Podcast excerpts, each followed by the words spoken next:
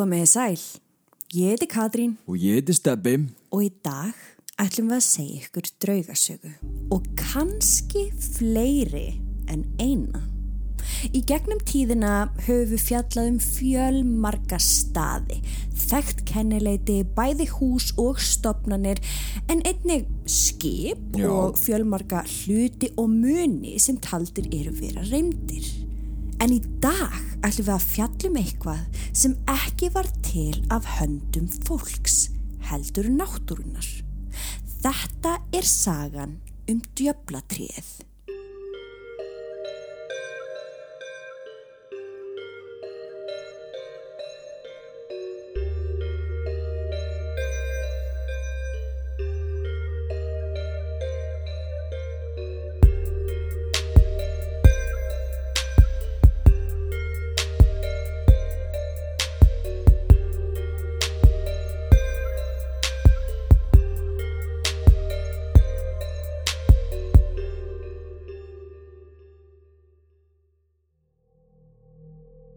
Á opnu túni einu við Bridgewater í New Jersey stendur stórt og óhugulegt tré og það hefur staðið þarna í að minnstakosti 250 ár.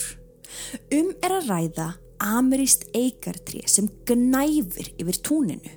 Á sumrin nær grasið í kring að faðma aðsér tréð en á veturna stendur það eitt. Það þykir afar merkilegt að við tréð fellur engin snjór. Hann bráðunar um leið og hann lendir ofan á trjá rótunum þó allt sé á kafi í snjó í kringum það. Nú hefur Þrilst magasín kallað staðinn þar sem tríð stendur Já. reyndasta og óhugulegasta staðinn í New Jersey og, Ok. og sumir ganga það langt að segja í allri Ameríku. Vá, ok. Djöflatrið er frakt á meðal heimamanna. Því þarna funduðu Ku Klux Klan eða KKK samtökin og þetta var alla ræmdur vettvangur þar sem fólk framdi sjálfsvíg og sumir töldu að þarna væri um að ræða portal eða hreinlega hlið að helviti. Allar þessar sögusagnir og staðrindir hafa gert tríð af vinsalum ferðamannastað. Já, maður skilur það. Sagan segir að hver sem skaði tréð á einhvern hátt muni hljóta skjótar og ofbeldisfullar afleiðingar. Þjóðsagan segir að tréð hafi verið bölvað alveg síðan í kringum 1920 þegar að hópur KKK meðlema heldu það reglulega fundi sína og skiptust á að deila á milli sín hatri á öllu fólki með annan hörunslið en þeir. Við tréð brendu þeir reglulega krossa og hengdu dýraútlimi á trénu. Okay. Sko, ég ætla aðeins að fara í það hvað svona KKK brendu krossa og hvað það var sem að lága baki því mér finnst það alveg bara svona svolítið áhugavert að vita hvers vegna þeir gerði það. En í stuttu máli þá kemur svo hefð frá svona öfgahópum sem áttu uppruna sinn í Skotlandi. Krossin var nefnilega akkeri margra og átti þessi aðtöfn að vera svona hræðslu áráður gegn svarta manninum. En einmitt samhliða því að vera að brenna krossa að þá tóku þeir líka fólk. Þeir tóku menn, konur og börn sem voru dökk á hörund og hengdu í trénu. Og Já. það er alveg staðfest. Já, já. Mér finnst samt áhugavert að þó engar beinar heimildir séum það að KKK hafi verið tengdir djöblatrú sérstaklega. Þá kvartar Satan örgulega ekkit yfir því að fólk sé að sameinast reglulega í aðtöfnum sem eru, jú, byggðar á hatri, sem eru brennandi krossa og hengjandi upp blóðu dýraræg. -hmm.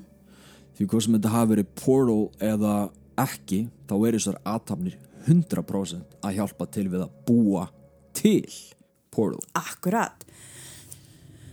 Þessi staður var í raun aðal höfuð stöðvar KKK í New Jersey og var það um ára bil.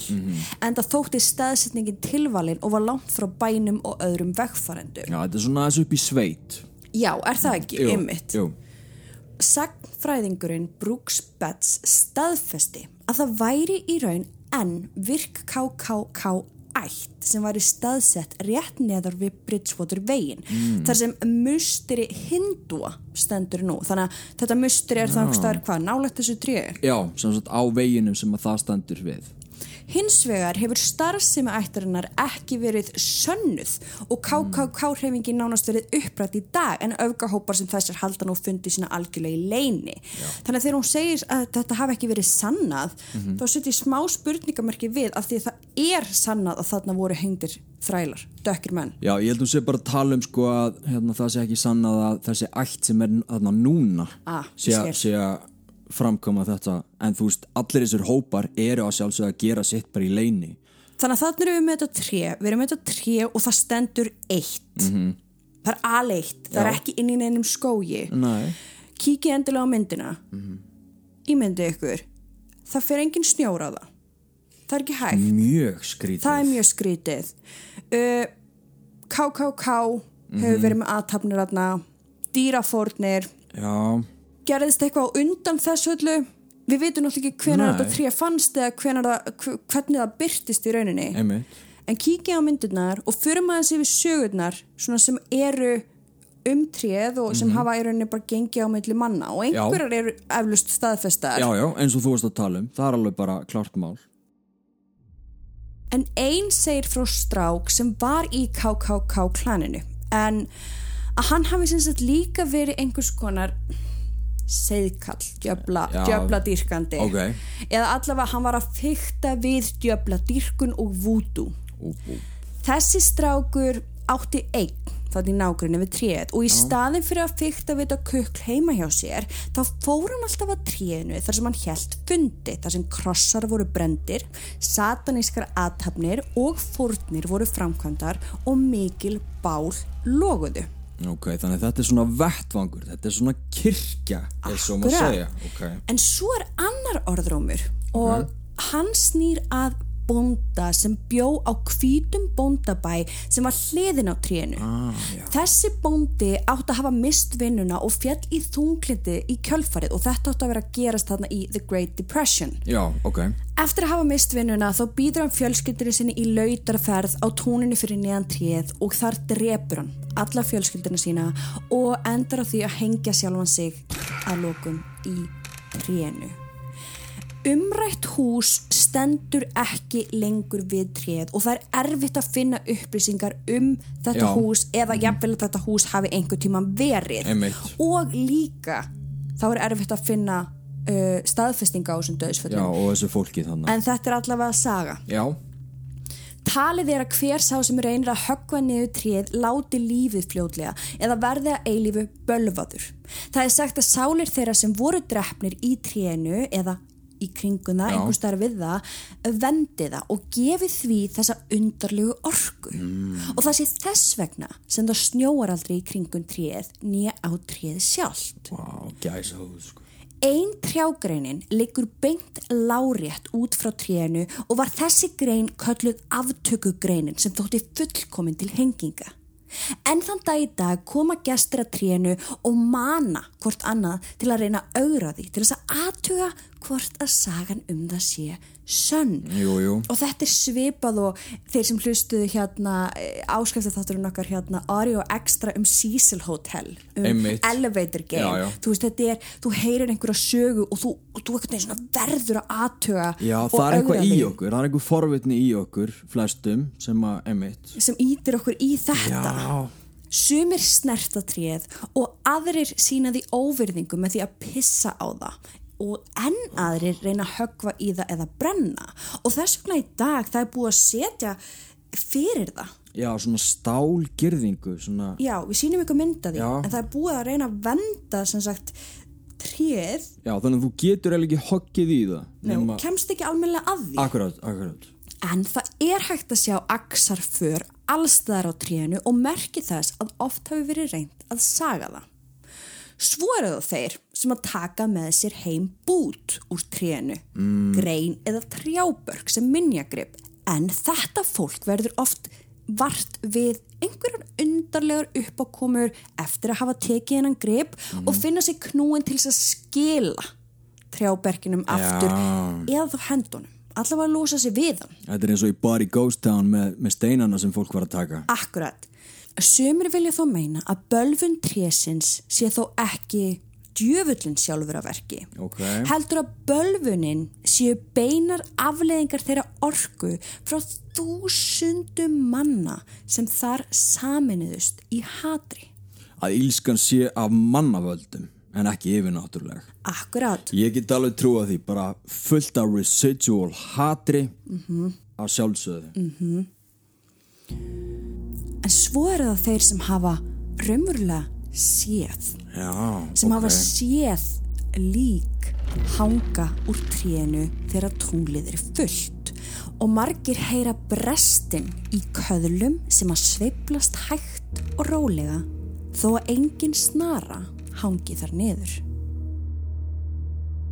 Eitt sinn voru tveir menn, þeir Steve og vinur hans á ferðinni um svæðið Ok. og stoppuðu við tréð þar sem þeir sáu snöru hanga þar niður. Wow. Þeir stegu út úr bílnum og gengu að trénu.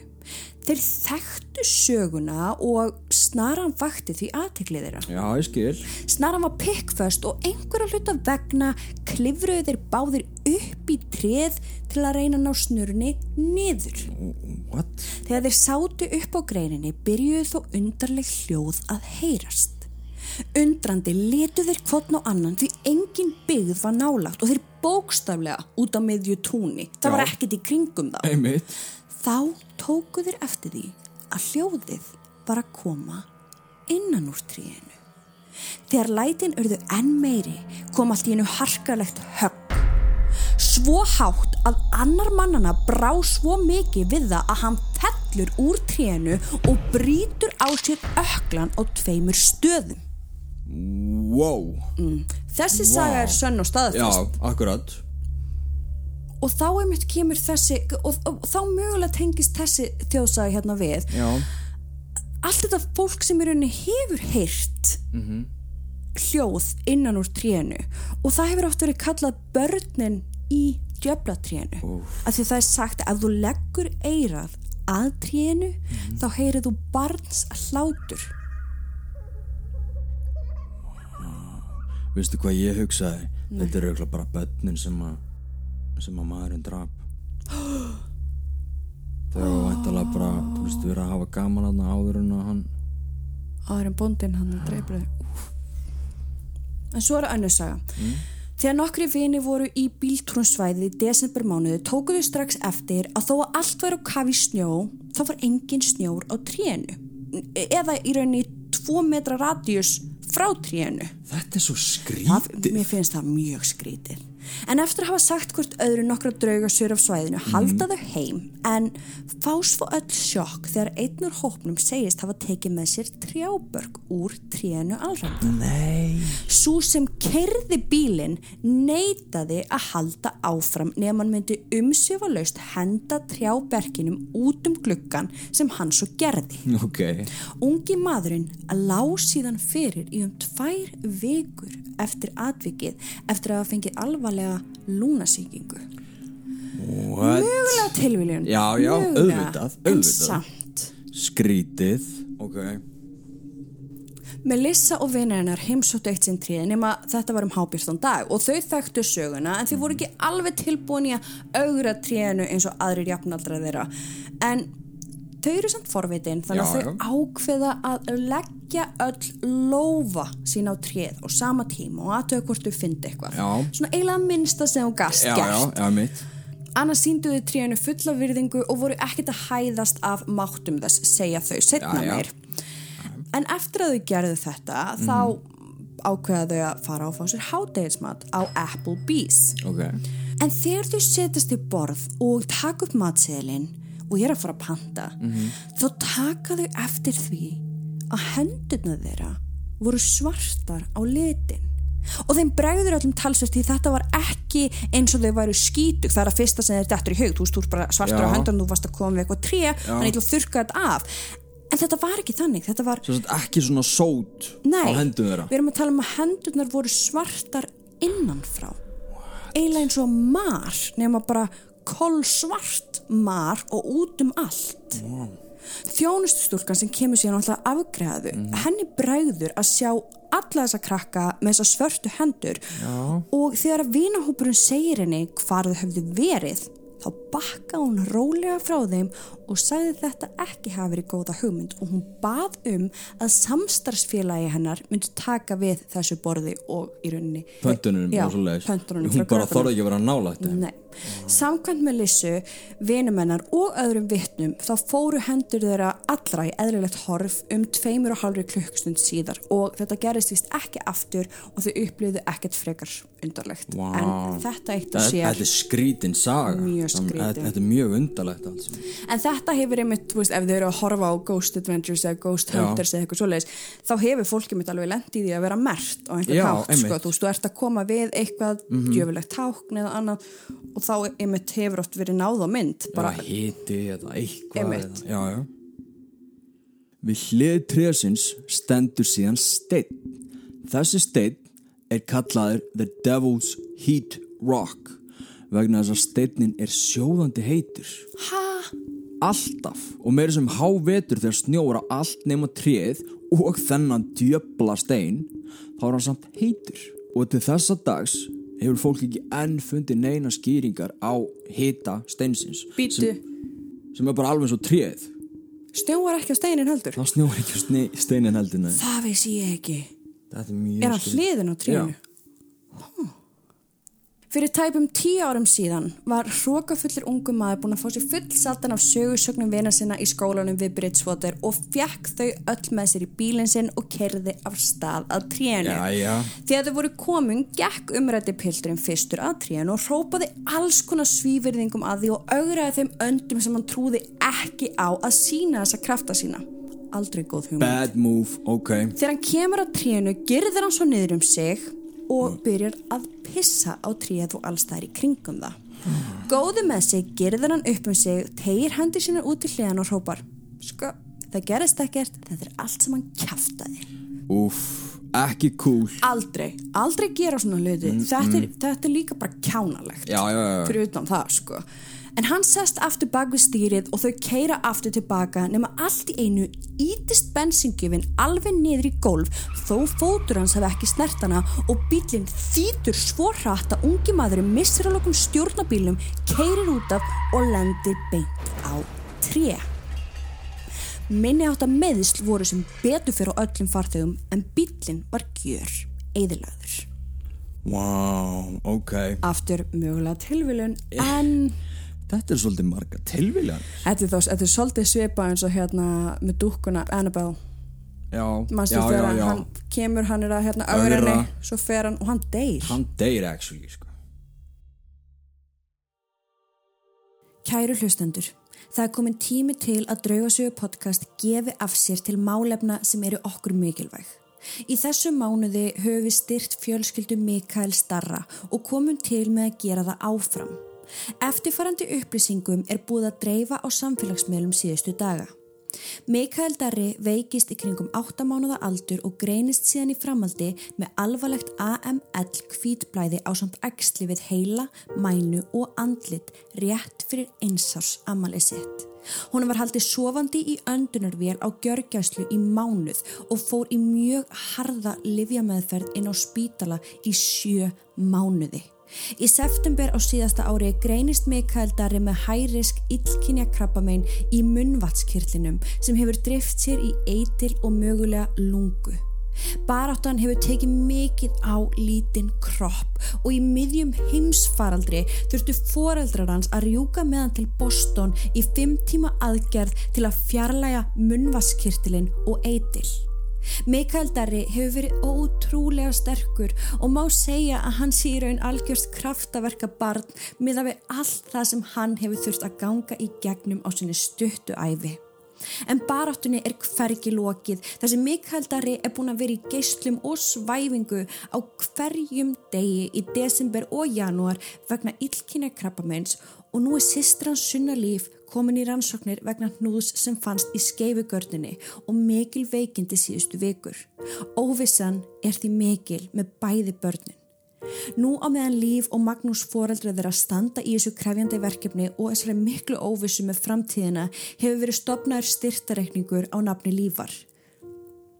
Eins og við sögðum áðan, Draugasögu podcast mun halda áfram að styrkja þau næstu mánuði með peningaframlögum og við hvetjum ykkur hlustendur að gera það sama. Margt smátt gerir eitt stórt á vel við núna. Ef þúsund manns legginn þúsund krónur þá eru við komið miljón. Ef að tvö þúsund manns legginn þúsund krónur eru komna tvær. Saman getum við hjálpa þeim svo mikið. Reikningsnúmerið er 536 höfubók 26 8389. Kennitalan er 1303 84 83 89. Hjálpum Mikael Dara og fjölskyldu hans í þessu erfiða verkefni.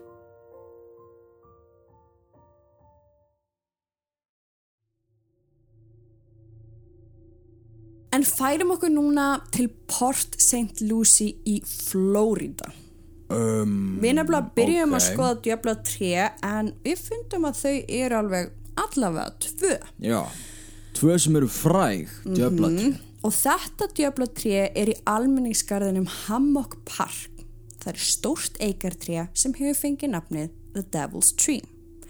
Eftir að var rannsakað bæði tréin þá sáum við strax að það er ýmislegt líkt með þeim en sögurnar eru samt ólíkar. Já, Það er 8. janúar árið 1971 og þarna stendur þetta volduga eikartré. Sagan okkar byrjar á mjög átakanlegan hátt þegar að raðmörðingi ræðist kynferðislega á tvær úlingstúlkur, mistyrmir þeim með því að skera útlimið þeirra af og eftir að hafa fengið sína djöfulegu útrás hengdan þeir upp í eikartréð og það var þannig sem þeir dóu með hengingu. Eftir það tekur hann þær niður og grefur þær í grunnri gröf við rætur trésins aðeins til þess að snúa tilbaka mörgum sinnum til þess að mistyrma líkum þeirra. hættu Maðurinn á bakvið morðin hétt Gerard John Sheffer. Því líkur viðbjóður Þessi fyrfirandi lögreglumadur Nei. var sagfældur fyrir þessi tvö morð árið 1973 en er talinn bera ábyrð á að minnstakosti 30 morðum til viðbótar. Þessi einstaklingur var ekki mannlegur. Nei. Hann var satisti sem lokkaði til sín ungar stúlkur og konur, naukaði, pintaði og mistrymdi þeim áður en hann draf þær síðan eftir það.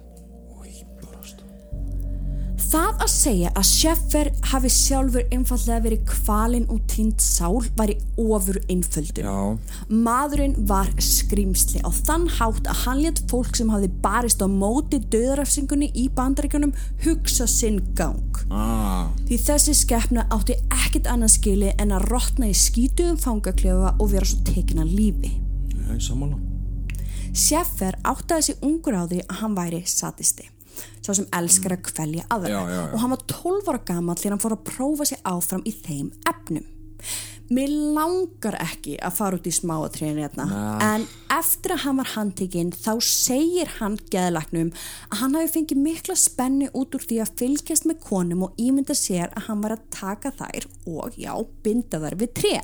12 ára? 12 ára og hann segir að þessi fantasía hafi mitt byrjað þarna 12 ára gammal Já, og hann prófaði sig áfram og batt sjálfan sig við þetta tiltekna tré. Nei. Jú, 12 ára gammal við þetta sama tré. Vá, hann talar um að þegar hann var ungur þá vildi hann alltaf vera stelpa. Og þá kannski aðalega vegna þess að hann átti systur og þessi systur hans var í uppáldi á föðura sem var mikill alkoholisti bara heimilist drama, þú veist hann, hann ólst upp við hræðilegar aðstæður. Já, Fyrsta ástasambandi hans var þegar hann var 14 ára með stúlku sem á sama aldri sem hétt Cindy. En þetta samband endi stutt þar sem hann reyndi að fá Cindy til þess að uppfylla þessa viðbjörslu fantasíur. Við þetta tré uh, en hún að sjálfsögðu það gekk ekki upp og, og hún sem betur fyrir fór aðra leið. Ok Úf. Árið 1966 reynir hann að gerast prestur en er Hættu. vísa frá þar sem hann var algjör trjúleysingi Já, ok Eftir það var hann tikkandi tímasprengja. Hann var reyður, snýri baki við kathólskri trú og lefði sínum innri djöflum að koma upp á yfirborðið. Hann byrjaði þarna að snúa sér að dýranýð en mjög fljótlega ákvaðan að sinna köllun sinni og gerast raðmálningi.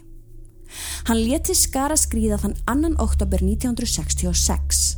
Nancy og Pamela, tvær ungar stúlkur aðeins 21 ása aldri, voru með kærastónu sínum í Alexander Springs Park í Ocala National Forest sem er þarna nálegt. Ok. Strákaður hefði hoppað ofan í vatnið og meðan þeir syndu þar ákvaðu stúlkunar tvær að fara í göngutúrum garðin. Þegar strákarnir komu upp úr þá funduður ekki stelpunar svo endanum þá ringjaður á laurugluna. Já. Lauruglan finnur líkin þeirra stuttu setna en þá var búið að mistyrma þeim og að lokum höfðu þær verið kyrtar til dauða. Þessar stúlkur voru fyrstu fórnulömpinans. Mikið leit hófst í kjölfarið en Sjeffer var aldrei bendlaði við morðin og enginn var sakveldu fyrir glæpin. Nei. Árið 1971 og 25 ára aldri gerðist Sjeffer lauruglumæður sjálfur. Ég, ég er orðalaus, sko. Wow. 21. júli 1972 lokkaði Sjeffer tvær úlingstúlkur með sér sem voru í fjallgöngu. Ok. Þú veist, þú sér líka, hann er greinlega, hann er alltaf einhvern veginn í kringum skó, hann er alltaf í kringum Já. garðin, hann er Hann er bara eins og rándýr. Já, hann akkurat, gott nafn á hann. Já. En þessar stúlkur hétu Nancy Trotter og Paula Sue Wells. Eftir að hafa náð þeim af gungustygnum þá í rauninni rænir að þeim báðum og fer með þeirra lengst út í skó. Þar battan þær við tré og hótað að drepa þær eða selja þær til vændis. Hann mistyrmdi þeim lengi og þegar hann var að fara að drepa þær þegar talstöðun hans af stað og hann var kallaður út á laurugluvakt. Það var neyðra ástand og hann varð að fara. Hann skildi þá stelpunar eftir bundar við tréð en sagði þeim að hann myndi snúa tilbaka. Á einhvern ótrúlegan hátt þá náð þær að losa reypið og sleppa. Yes, ok. Stúlkurnar sem voru 17 og 18 ára hlupu á næstu lauruglustöð sem var kaltænislega lauruglustöðin sem Sjeffer vann. Þegar Sjeffer snýr aftur inn í skógin sér hann að stelpunar höfðu komist undan. Já. Hann í einhvers konar paniki ringir þá á lauruglustöðuna og fyrir að útskýra fyrir yfirmanni sínum, lauruglustjórunum, að hann hafi gert eitthvað heimskulegt, segir hann. Hann, hann kemur með langa útskýringa að hann hafi hrætt tvær ungar stelpur en hann hafi einungis verið að þykjast ætla að ræna þeim. og Fyndið. að sjálfsögðu þá trúði lauruglustjórun ekki einu orði sem hann segir svo hann var sviftur laurugluréttundum sínum og ákjörður í kjölfarið. Ok, gott. maður hefði haldið að þarna myndi sagan enda Já. og rauninni hvað kemur þetta tré þessum manni við Já, ok. en á einhvern furðulegan hátt þá nær sér að borga sig út úr fangjálsinu og tveimur mánuðum síðar 27. september 1972 rænir hann Susan Place 17 ára stúlku og Georgia Jessup sem var 16 ára Nei. Jú, hann mistir mér þeim og að lokum grefur hann líkið þeirra undir uppáhaldstrénu sínu djöflatrénu í Oak Hammock Park í Flórida. Mánuður liðu og endanum þá datt málið upp fyrir sem hann hafi verið kærið verið fyrst. Muni stúlkurnar sem komist undan. Stelp, já. Já. Þú veist, hann er, stelpurnar komast undan, hann er handtekinn, hann er að þú veist post-bail Ok. Og hvað og málið svo er bara bara... einhvern veginn gerist ekkert. What?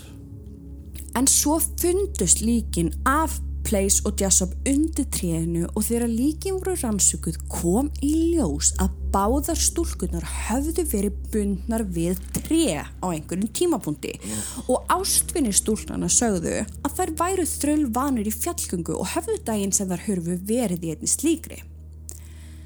Þetta var allt saman óvinni líkt málinu sem Sjeffer hafi verið kærði fyrir Já. árið 72. Svo það var fengið leitarheimild til þess að leita í húsin hans. Þar fundu þeir bækur með sögum sem Sjeffer hafi skrifað. Þar voru endalusa frásagnir á pyntingum, nöðgunum og morðum á konu sem hann kallaði öllum ljótu nöfnum. Þeir fundu dagbók með nöfnum fórnalampans og persónlegar eigur fórnalampana eins og skarkripi Ah. og að lokum tennur frá minnstakosti átta ungum stúlkur sem höfðu horfið á síðustu árum.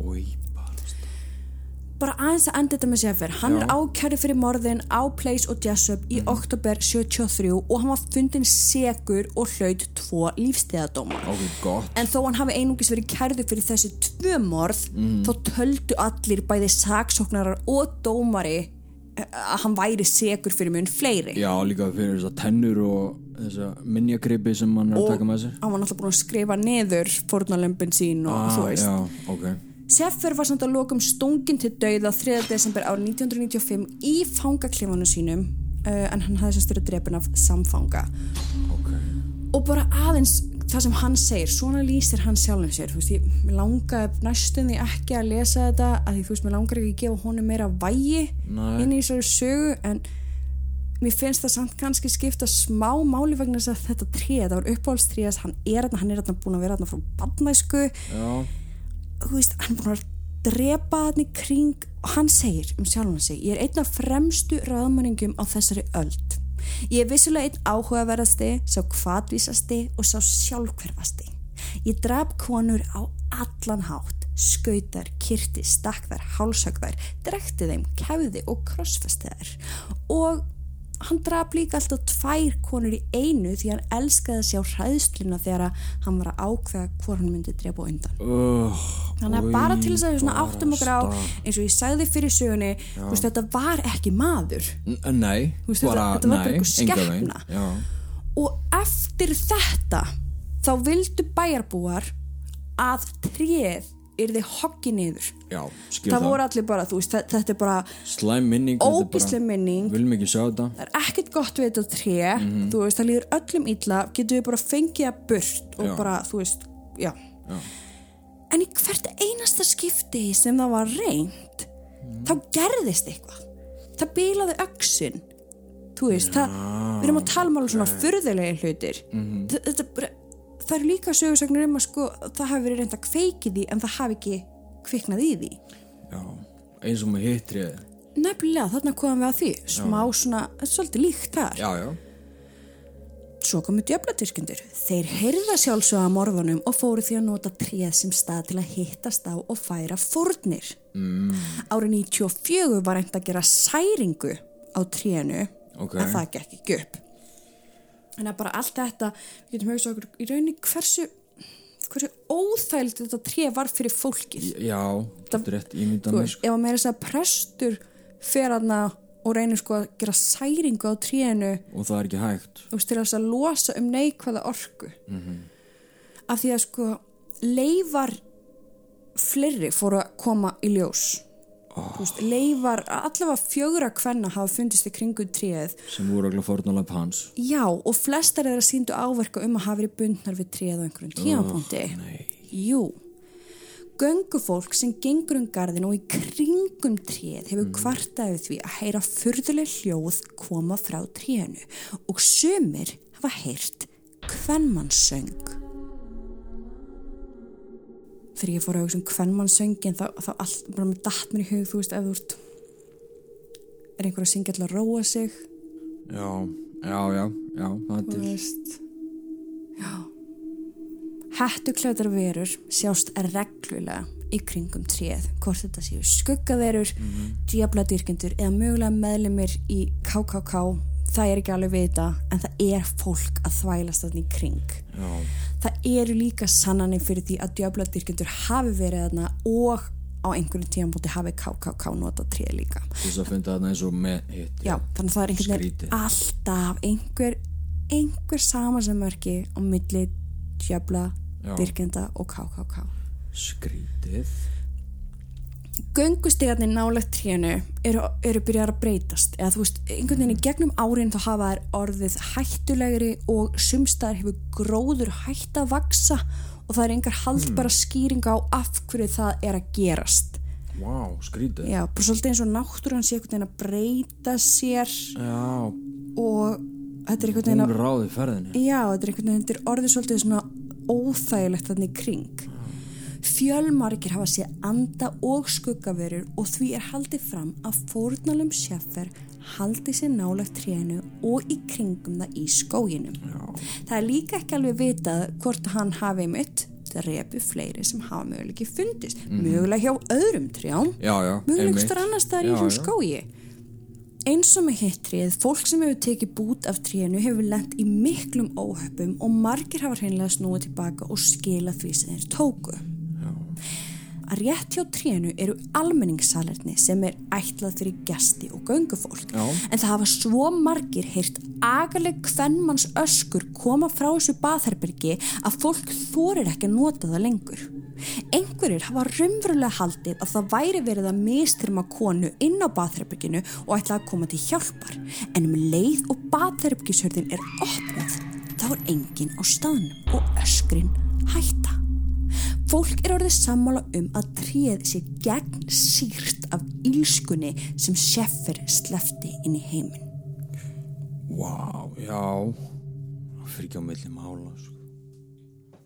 En þetta þekkist eins og með tré og við þekkjum einn á Íslandi með svona álfasteina sömur steinar bara færast Já, ekki einmitt. og sama hvaða gröfur er að, eða hvaða er sem er notað þá bara færast þau ekki og á endanum er bara ákveð herri, við skulum bara leifa þessu grjóti að vera og við byggjum veginn bara í kringum hann Akkurat! og þú veist algengustu notendur miðla á Íslandi heyrði ég að væri vegagerðin Ég, þeir eru bara ítrekkað að lendi í þessu þannig að þetta þekkist hvað sem maður steitni að tré.